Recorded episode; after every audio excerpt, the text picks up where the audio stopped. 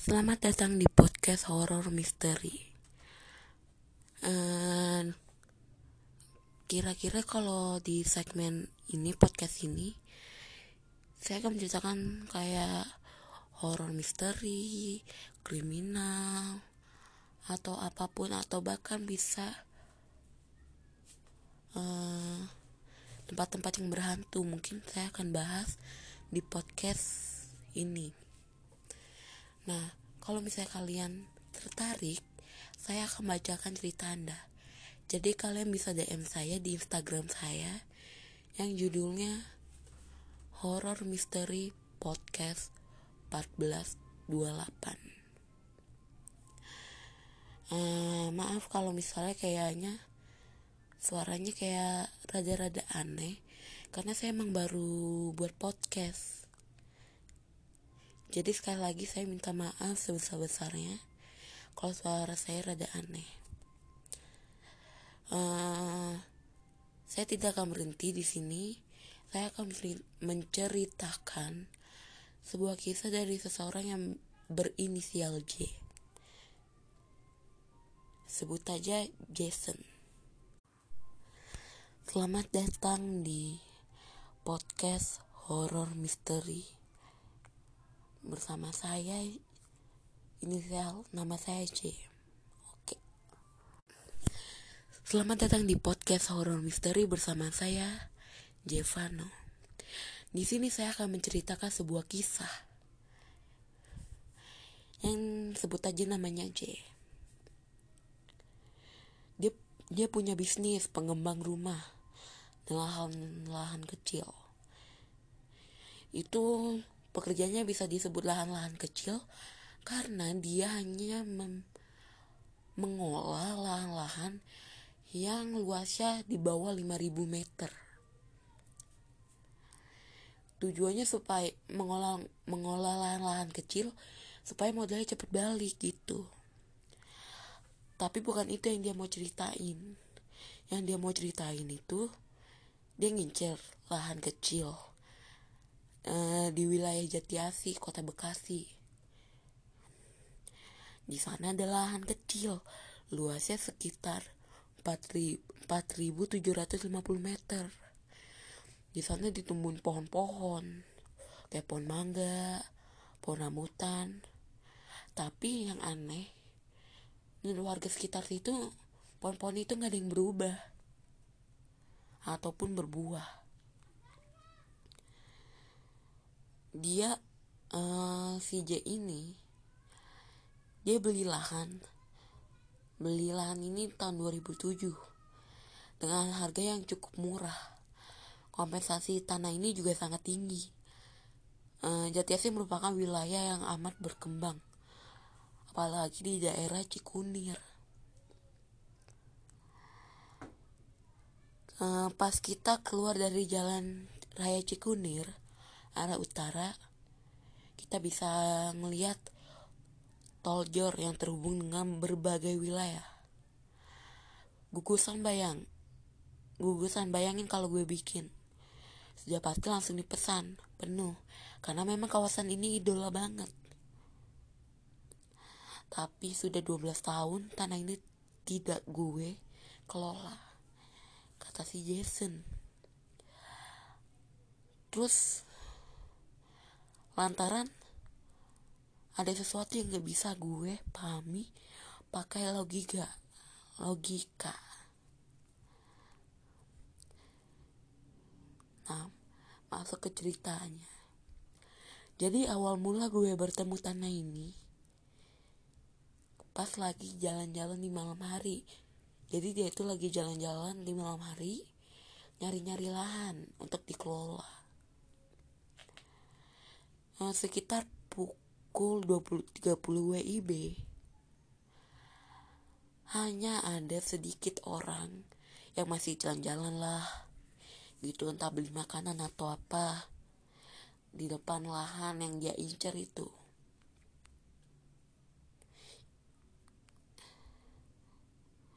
Dia parkir deket pinggiran deket deket rumah warga yang di pagar bambu. Tahu kan orang zaman dulu masih pakai pagar-pagar bambu gitu. Dia celingak celinguk nggak ada orang. Yang bisa dia minta kayak e, ini dulu lahan bekas apa ya? Apa gitu ke warga-warga sekitar situ.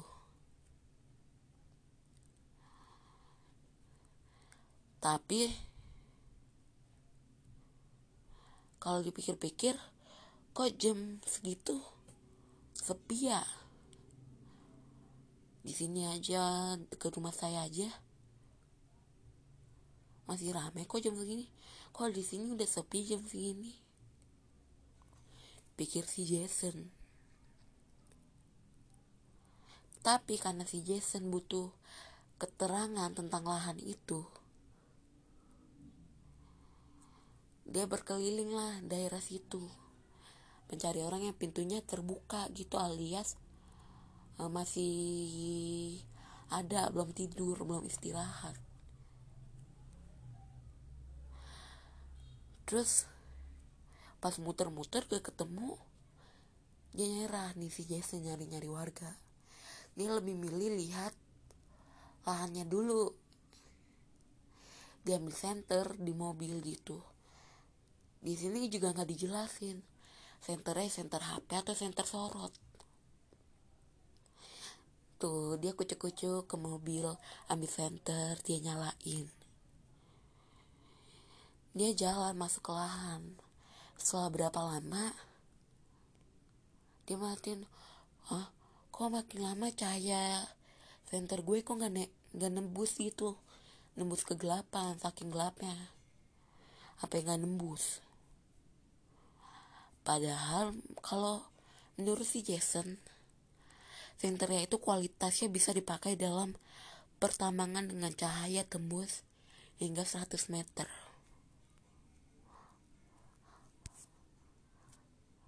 Kata si Jason, kok aneh. Tapi kenapa center ini biasanya tembus jauh kok jadi nggak bisa ya? Aduh, sial.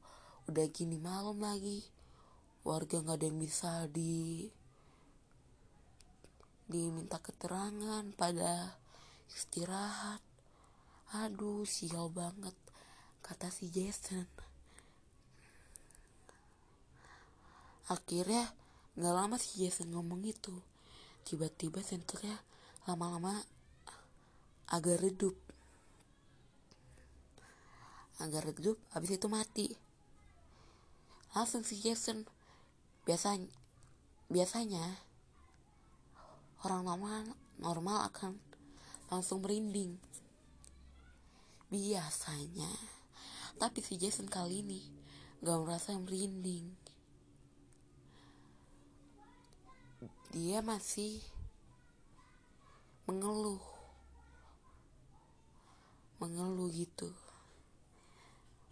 walau saat senterit mati. Dia tetap saja mengeluh. Terus dia bingung. Akhirnya dia balik. Balik naik mobil. Mau cabut.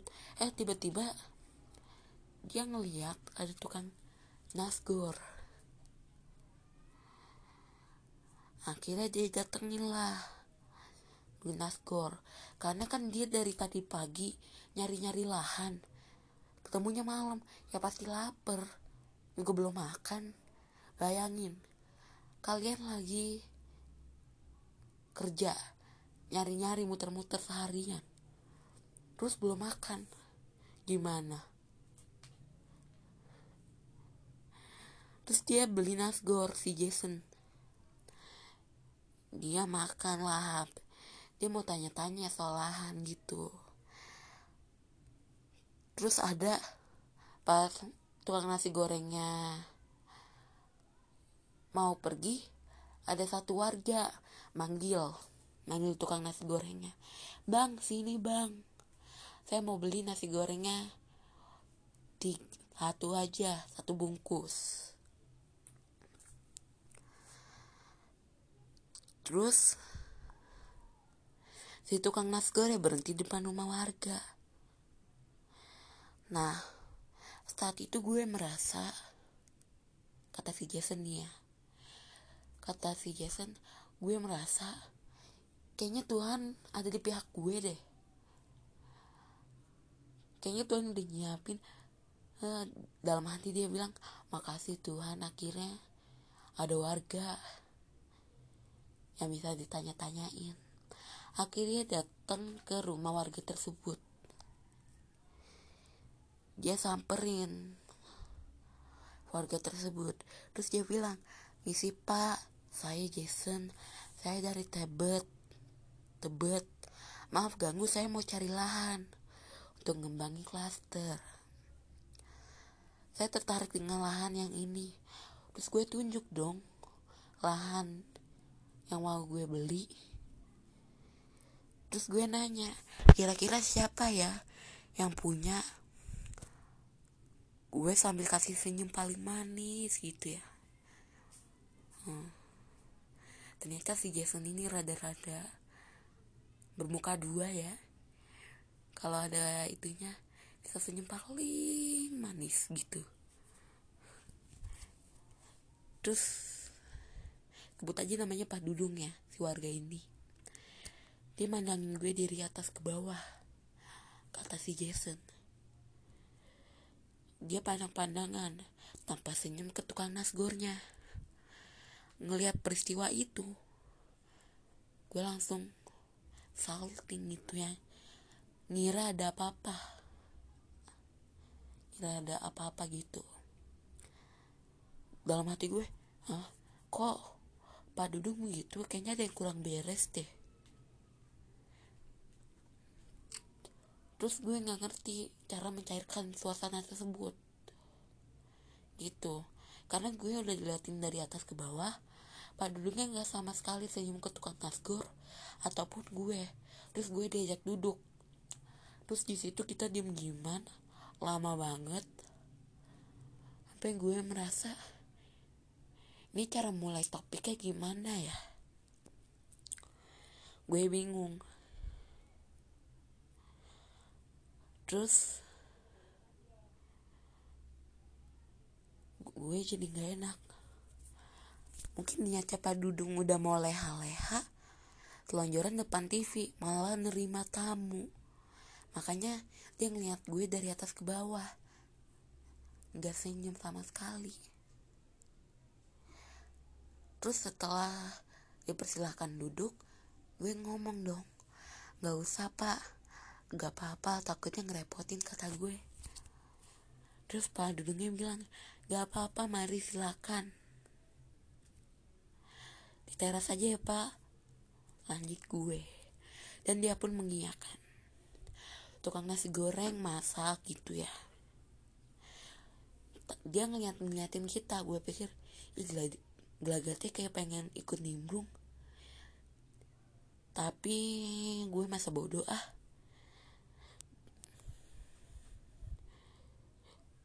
pas gue duduk gue ngeliat ada cermin ukuran sedang di atas rumah Pak Dudung. Gue nggak ngerti buat apaan sih? Cuman unik aja buat gue. Lagian menurut gue orang tempatnya tinggi gitu siapa yang mau ngaca juga di situ. Ya kan? Pak Dudung itu modelannya kayak jawara-jawara Betawi pakai sarung baju kemeja perawakan Pak Dudung kayak gak terlalu tinggi sedang-sedang aja. Badannya agak gemuk dengan tato di tato titik tiga di tangannya deket jempol telunjuk. Pak Dudung ke teras sambil bawa air putih segelas. Terus Pak Dudung ngomong maaf ya mas uh, istri saya sudah tidur. Maaf nih cuma air putih aja. Terus gak mati. Dalam kata gue bilang gue bilang jangan repot-repot pak. Nasi goreng pesanan Pak Dudung sudah selesai dibuat. Dia mengambil lalu membayarnya dan dibawa ke dalam. Pengen nawarin si Padudung bilang maaf ya uh, nasi gorengnya cuma cukup seporsi. Kata si Pak Dudung gue bilang gak apa-apa dong pak. Saya udah makan kok tadi tanya aja mang nasi goreng ya terus Pak Dudung bilang ada apa ya dek mau ke sini gue bilang uh, saya mau minta keterangan. Meminta keterangan soal lahan yang di ujung sono. Terus Pak Dudung bilang Ade udah cari tahu udah cari tahu sebelumnya soal itu. Tanyanya dengan mata agak dipicingin. Belum pak ini mau cari tahu dari bapak. Kenapa di sini malam-malam. Gue bilang ya Pak Dudung bilang. Gue bilang uh, sebenarnya saya udah keliling cari lahan keliling-liling Bekasi. Saya udah keliling-liling dari jam 7 pagi sampai jam sekarang sampai sekarang. Terus saya baru ketemu lahan yang cocok sekarang. Makanya saya di sini. Pak Dudung yang ngelihat gue cuma ngangguk-ngangguk. Ngangguk-ngangguk terus bilang jadi gini deh bukan cuma ada yang mengincar tanah itu. Udah jutaan orang tapi gak ada satupun yang bisa ngebangun. Percaya deh saya nggak ngebohong. Tapi menurut saya di sana ada kehidupan yang nggak bisa ada lihat. Yang gak bisa dilihat yang akan marah besar kalau tempat tinggalnya diusik kata si Padudung gue agak merinding sih tapi gue nggak percaya akhirnya demi bisnis gue beli gue beli gitu. Gue pengen beli. Terus Pak Dudung bilang adek kalau mau beli bisa aja. Yang punya lahan ini sekarang adalah namanya Haji A. Saya bisa pertemukan Ade sama dia kalau mau. Pemilik langsung tapi belum tahu ya dijual atau tidaknya. Ini nomor teleponnya. Pak Dudung langsung memberi nomor si Haji A ini. Seneng dong si Jason. Terus dia langsung nulis. Nulis nomornya si Pak Haji A. Gak pakai basa basi dia langsung pamit. Terus terus pergi. Terus terus sekitar jam sebelasan dia telepon dong si Haji A. Halo saya mau beli lahan X X X gitu.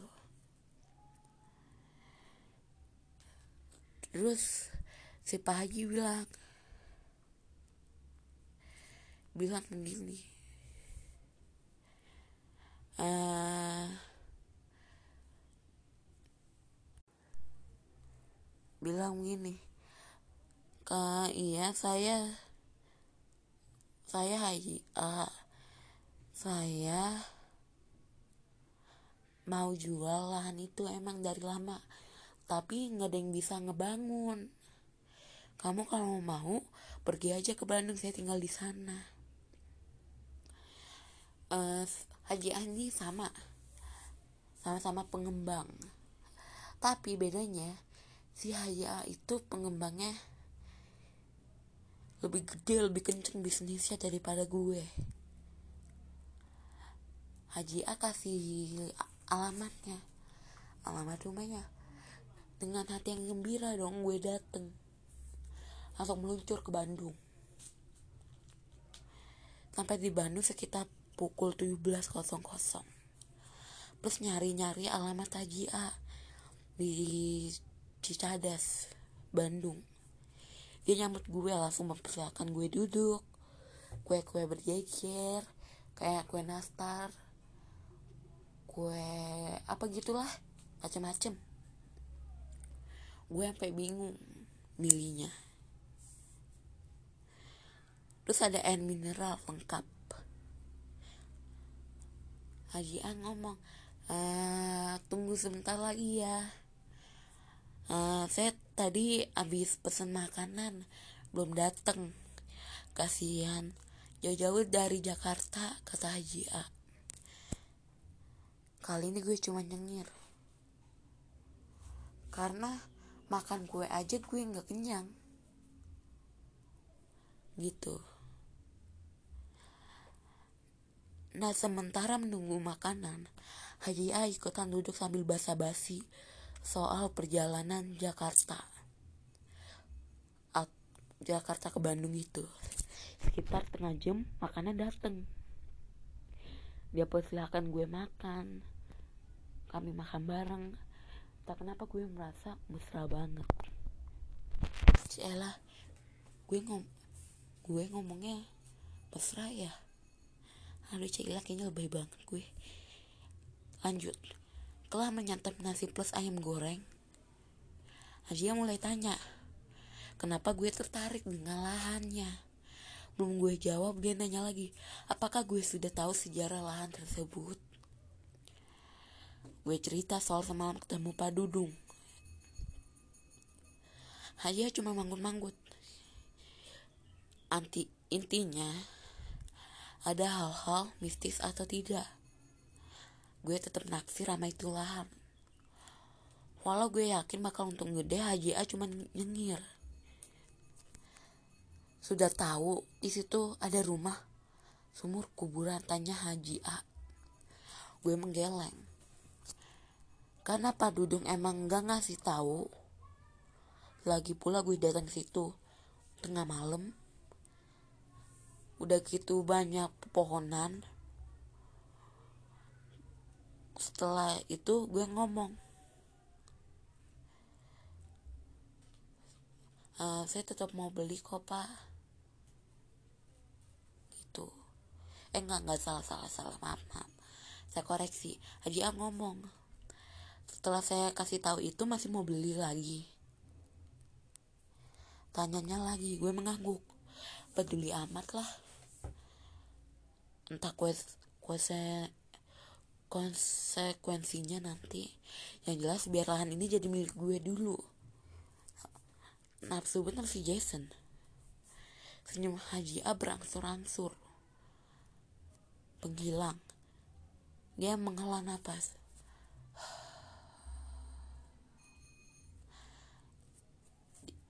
dia menuju kursi kursi kerjanya. Dan menuju ruangan lain. Dia kembali ke ruang tamu. Udah bawa sertifikat tanahnya. Bayar aja setengah dari harga pasaran. Terus terang saya sudah menyerah dengan lahan itu. Banyak yang beli lahan ini tapi nggak ada satupun yang yang bisa ngebangun ini lahan. Kata si Haji A. Karena dengan si Haji A ngomong itu, gue jadi ragu-ragu tapi li tapi keraguan gue itu ketika hilang. Karena gue mikir seberapa besar keuntungan dari lahan yang gue beli itu. Terus terus pas ngebayar pas proses pembelian sertifikat sertifikat tanah itu entah kenapa prosesnya cepet banget. Terus gue langsung diverifikasi oleh Badan Pertanahan Nasional di Kota Bekasi. Terus Pak Haji A bilang saya melihat kesungguhan dari muka adek dari muka ADC ngapain kalau nggak niat beli jauh-jauh sampai kemari. Ngapain kalau nggak niat beli jauh-jauh sampai kemari? Bawa, bawa dulu verifikasi udah selesai. Tinggal bayar aja kata Haji A. Udah kelar ini itunya tibalah hari yang dinanti-nantikan. Lahan itu sudah jadi milik gue sepenuhnya. Dua minggu setelah balik nama sore hari di tepatnya Jumat Oktober 2007 gue masih muda tuh 2007 gue habiskan waktu berjalan-jalan di lokasi lahan. Ada sebuah rumah yang udah rusak banget. Rumah kecil hanya ada ruang tamu satu kamar tidur dan kamar mandi. Gue masuk rumah tersebut dan beberapa tikus melompat keluar mendadak. Gue kaget dong parah merinding langsung. Karena jujur gue emang takut sama tikus. Semua pasti takut tikus deh. Kalau orang-orang kota pasti takut. Nah rumah kecil itu cuma ada satu ruang tamu satu kamar tidur dan kamar mandi. Gue masuk ke rumah tersebut. Yang tadinya bau kayu lapuk kan rumahnya udah tua tuh. Nggak mungkin kan rumah tua udah lama udah usang udah nggak ditinggalin bersih kan? Nggak. Ini bener-bener kotor naujubillah. Terus bau kayu lapuk menyengat gitu. Pelan-pelan sama teh kok berubah jadi bau anjir? Darah. Asli gue merinding. Gue bacain aja nih merinding sumpah. Sumpah ini merinding. Wah dalam hati gue gak bener nih pikir gue. Gue segera beranjak keluar. Saat gue melewati pintu utama rumah. Tiba-tiba tangan kiri gue ada yang genggam ngeremas gitu ngeremas kenceng banget. Gue kaku kesemutan hebat pokoknya. Bulu gue udah nggak ngerti lagi diskonnya deh. Diskonnya udahlah percuma. Kayak apa udahlah. Gue terdiam gue baca-baca doa yang gue ngerti. Pelan-pelan tangan gue berangsur normal. Tapi leher gue jadi pegel. Mata gue agak kabur. Gue ber berusaha keluar untuk menghirup udara segar, segar. Berhasil. Gue aja merinding ngapain gagap-gagap nih bacainnya. Air minum mana ya? Ya lupa air ambil air minum. Bentar ya gue ambil air minum dulu. Bentar Nah, lanjut. Waktu sebaik waktu mendekati maghrib, kata orang sebaiknya gak cari perkara tentang waktu ini. Tapi soal gak peduli gue gak mau semua tahyul ini membuat lemah. Gue pun melangkah mendekati semua semua area rumah tersebut. Terus pas gue lagi keliling yang rumah tersebut, gue nemu sumur sumur loh. Sumurnya udah tua. Udah banyak lumut di mana mana gitu. Terus gue ngedeketin itu sumur. Emang pada dasarnya gue bandel. Gue bandel. Kan kalau kata orang dulu mah harus sopan di tempat-tempat lain. Yang gak kita kenal harus sopan pokoknya. Gue nggak sengaja ngomong kata-kata kasar. Karena gue kesel. Dari kemarin gue itu lahan ini gue sial mulu gue kesel. Ngomong kata-kata kasar. Terus gue deketin itu sumur gue lihat ke dalam. Tiba-tiba ada tiga helai rambut jatuh. Tuh tuh tuh badan gue seketika langsung lemas. Rambut dari mana? Masa ada rambut di sumur terus gue merinding. Gue perasaan gue udah gak karuan. Apalagi udah gelap. Tapi tapi pala baru jam 6 gue periksa HP baru jam 6 kok udah gelap banget dalam hati gue? Perasaan gue udah gak karuan gue buru-buru keluar. Buru-buru keluar tapi di dalam lahan gue selalu menyium bau angin darah yang mengikuti gue. Akhirnya gue keluar. Gue berhasil keluar gue masuk mobil. Dalam hati gue gue balik besok aja deh gue capek. Gue males udah gue capek gue balik besok aja deh. Hari ini stop dulu aja. Nah abis itu si Jason perasaannya udah membaik nih besoknya. Besok besoknya Sabtu. Nah sekitar situ rame. Ada yang main festival apa bukan festival. Main burung terbang gitu. Burung dilepas terbang siapa yang paling cepet balik dia menang gitu. Matahari udah nyengat udah nyengat banget. Gak terasa beberapa kali nyengatnya. Panas pokoknya. Kalau di Bekasi kan udah pasti kan panas menurut gue. Menurut gue panas gitu. Daerah Bekasi panas kecuali daerah Bekasi yang masih asri banget. Gue suka adem sejuk gitu balik ke topik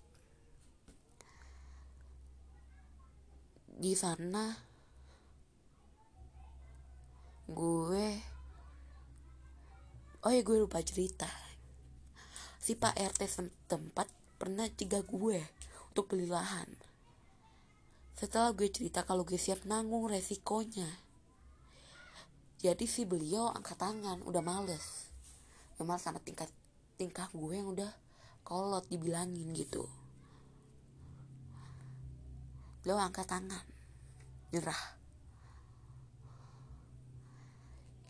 Pengen ketemu Pak RT untuk minta keterangan lagi, tapi gue males.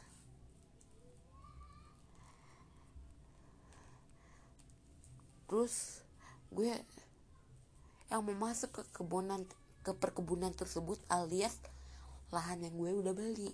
Gue yang merinding kayak gue inget kata si Pak RT si Pak RT dulu pernah nantang penghuni yang ada di lahan tersebut. Terus semua keluarganya satu persatu mati. Dan anaknya satu gangguan jiwa. Satu. Anaknya gangguan jiwa.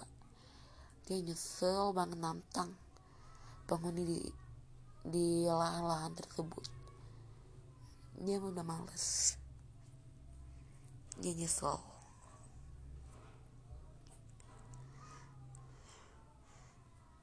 Terus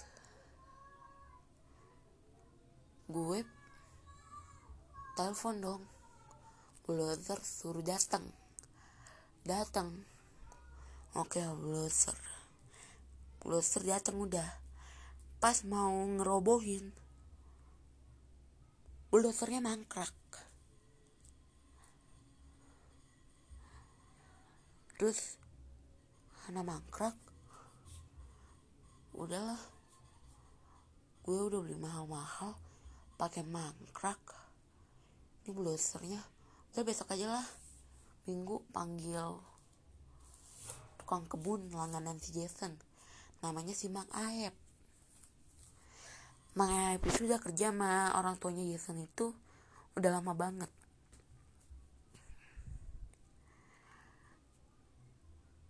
Besokannya hari minggu Jason balik lagi sama Mang Aep.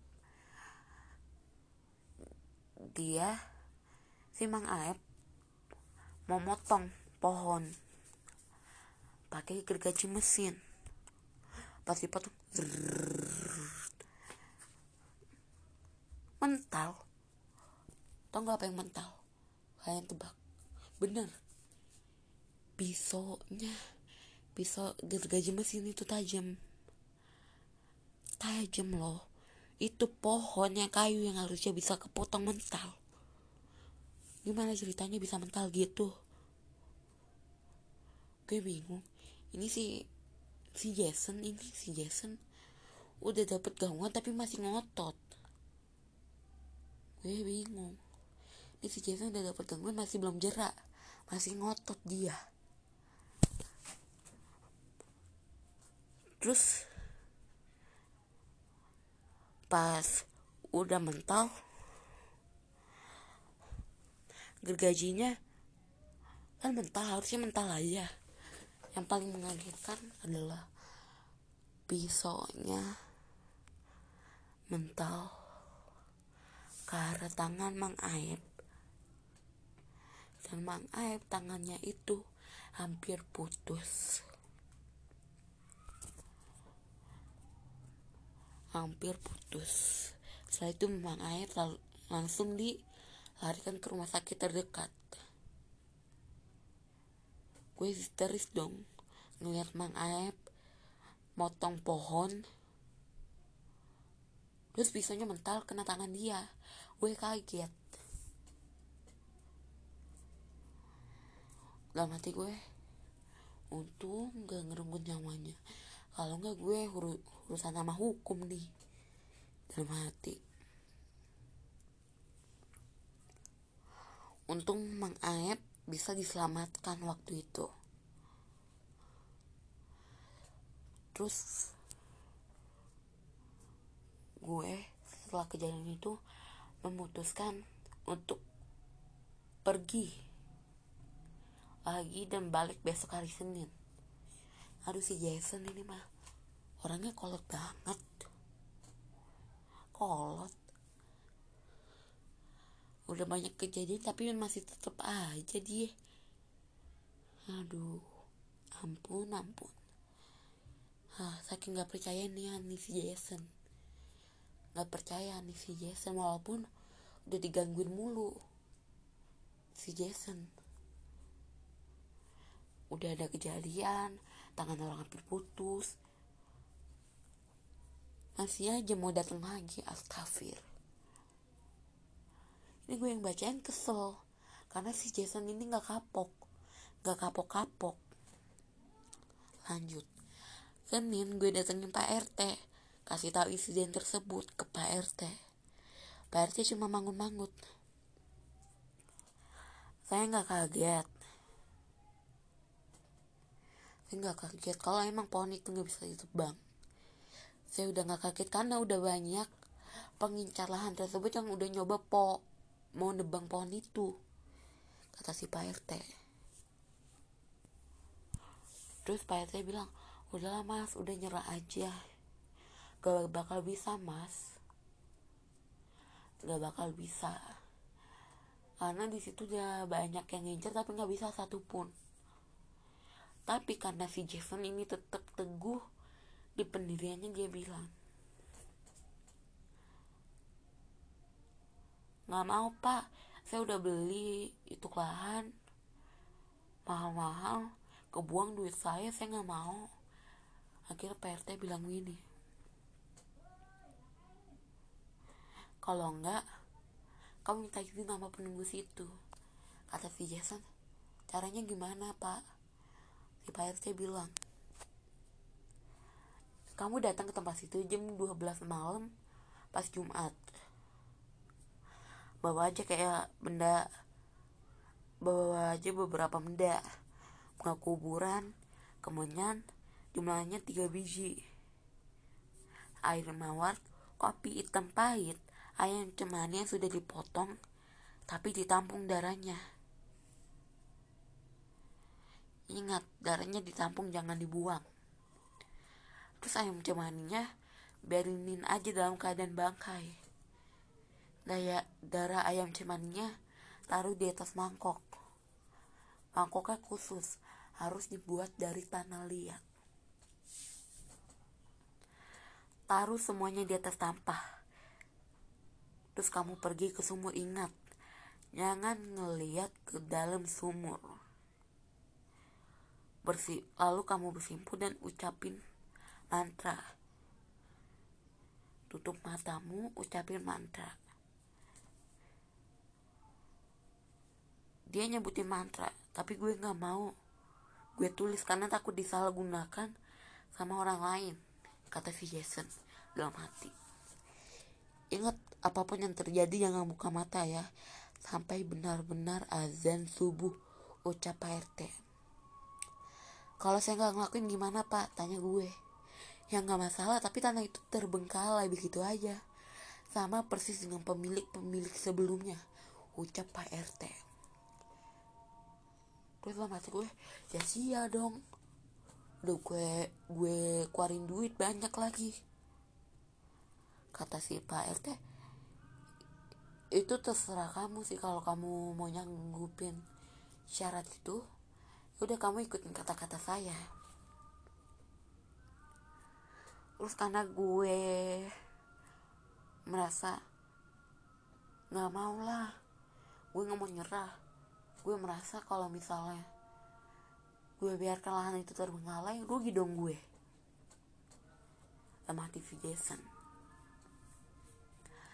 Terus Jason ngikutin sesuai kata si kata si Pak RT Kamis malam Jumat jam 22.30 WIB suasananya serem serem banget. Super serem. Gue sempat dikasih fotonya sih. Eh enggak deh. Tapi bohong gue nggak dikasih. Gue nggak dikasih sama sekali jadi gue nggak nggak tahu deh. Ah tau lah udah kita lanjut aja lah. Gue ngomong apa lagi uh, jadi si Jason itu datang hari Kamis ke tempat itu. Tempatnya udah gelap serem lagi kata si Jason. Di situ nggak ada satupun makhluk yang bernama manusia yang ada di situ. Gue bener-bener merinding karena gue nggak ngerti siapa yang gue hadapin. Pelan-pelan gue masuk ke lahan dengan membawa semua persyaratan yang dianjurkan Pak RT baru sekitar 11 langkah tiba-tiba gue mendengar suara ketawa pelan dan lirih. Kira-kira gitulah. Gue nggak bisa niruin lagi. Suara gue serak. Terus ketawanya awalnya satu lama-lama jadi banyak. Gue gemeteran banget. Gue mau ngomong apa juga susah mau bangun aja susah. Saking merindingnya gue. Udah takut gue. Pasti gue pengen kencing di sana tapi nggak bisa. Pengen berak di sana tapi nggak bisa. Gue pengen nangis tapi juga nggak bisa. Pengen teriak apa lagi nggak bisa. Terus gue ketakutan gue nggak sanggup. Gue balik. Untung ada tukang nasi goreng yang pernah gue gempain di awal cerita.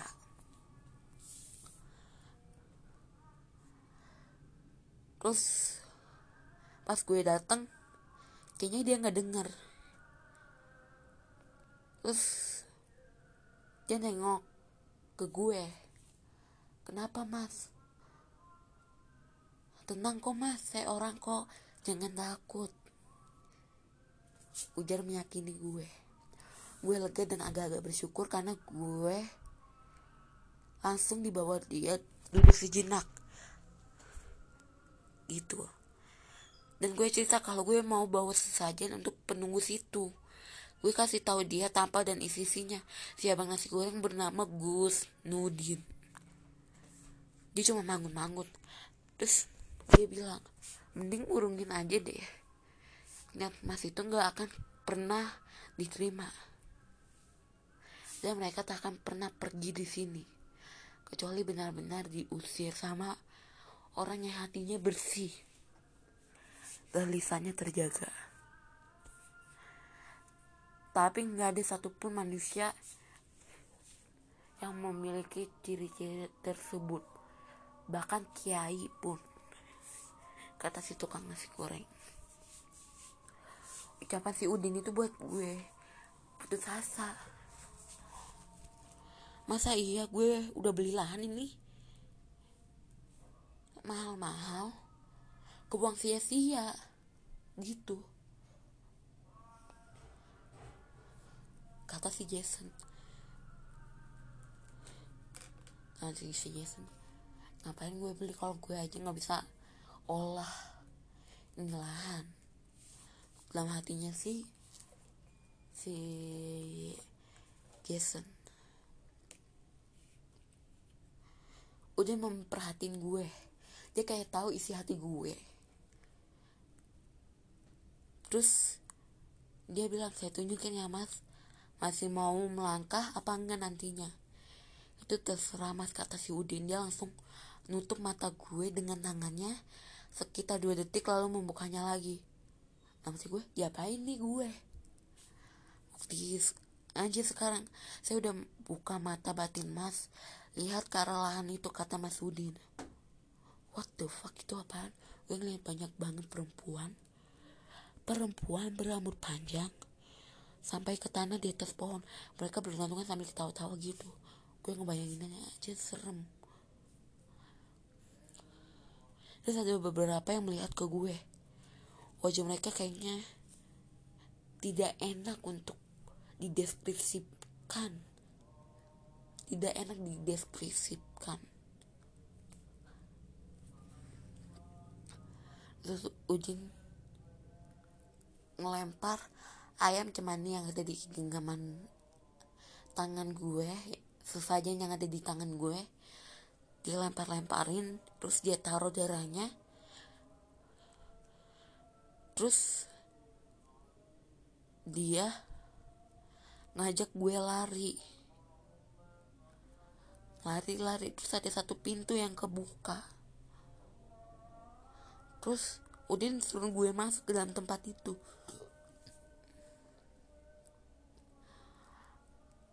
Nah yang punya kontrakan ini ternyata si Joko. Joko langsung tutup pintu. Terus masang sebuah tulisan belakang pintu dengan kalimat yang diambil dari Al-Quran. Eh si Udin kok gak ikut masuk kata gue Lupakan Udin nih minum airnya. Kalau ada yang masuk di badan kamu pasti muntah, kata Joko. Gue nurut, walaupun hati gue masih bertanya-tanya. Joko ini seumuran gue. Gue udah tahu kalau dia orang Jawa. BTW gue nggak muntah, berarti gue bersih nggak ada yang ngikutin. Terus Joko ngajak gue? Wudhu. Gue nurut aja. Setelah itu gue sedikit lega. Terus Joko bilang kalau udah tenang sini. Karena saya ceritain gue ngangguk pertama Joko menyebutkan jika Gus Nudin sudah tiada.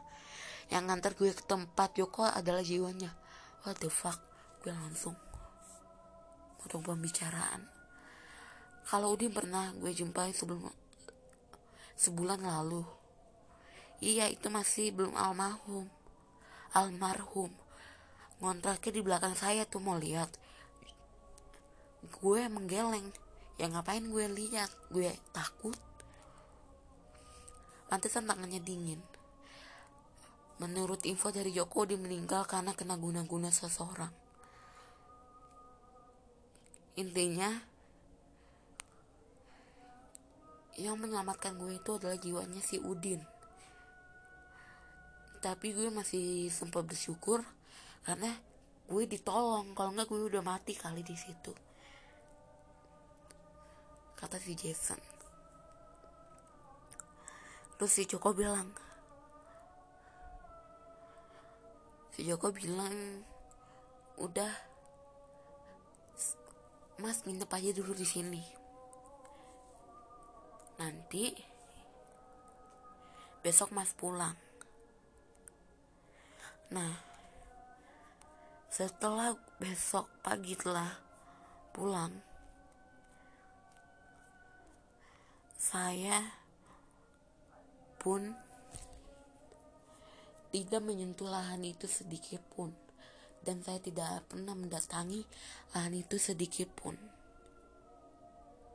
Oh ya gue lupa cerita. Si Joko yang nyeritain katanya lahan itu pernah punya si dukun yang menumbalkan satu keluarga di situ.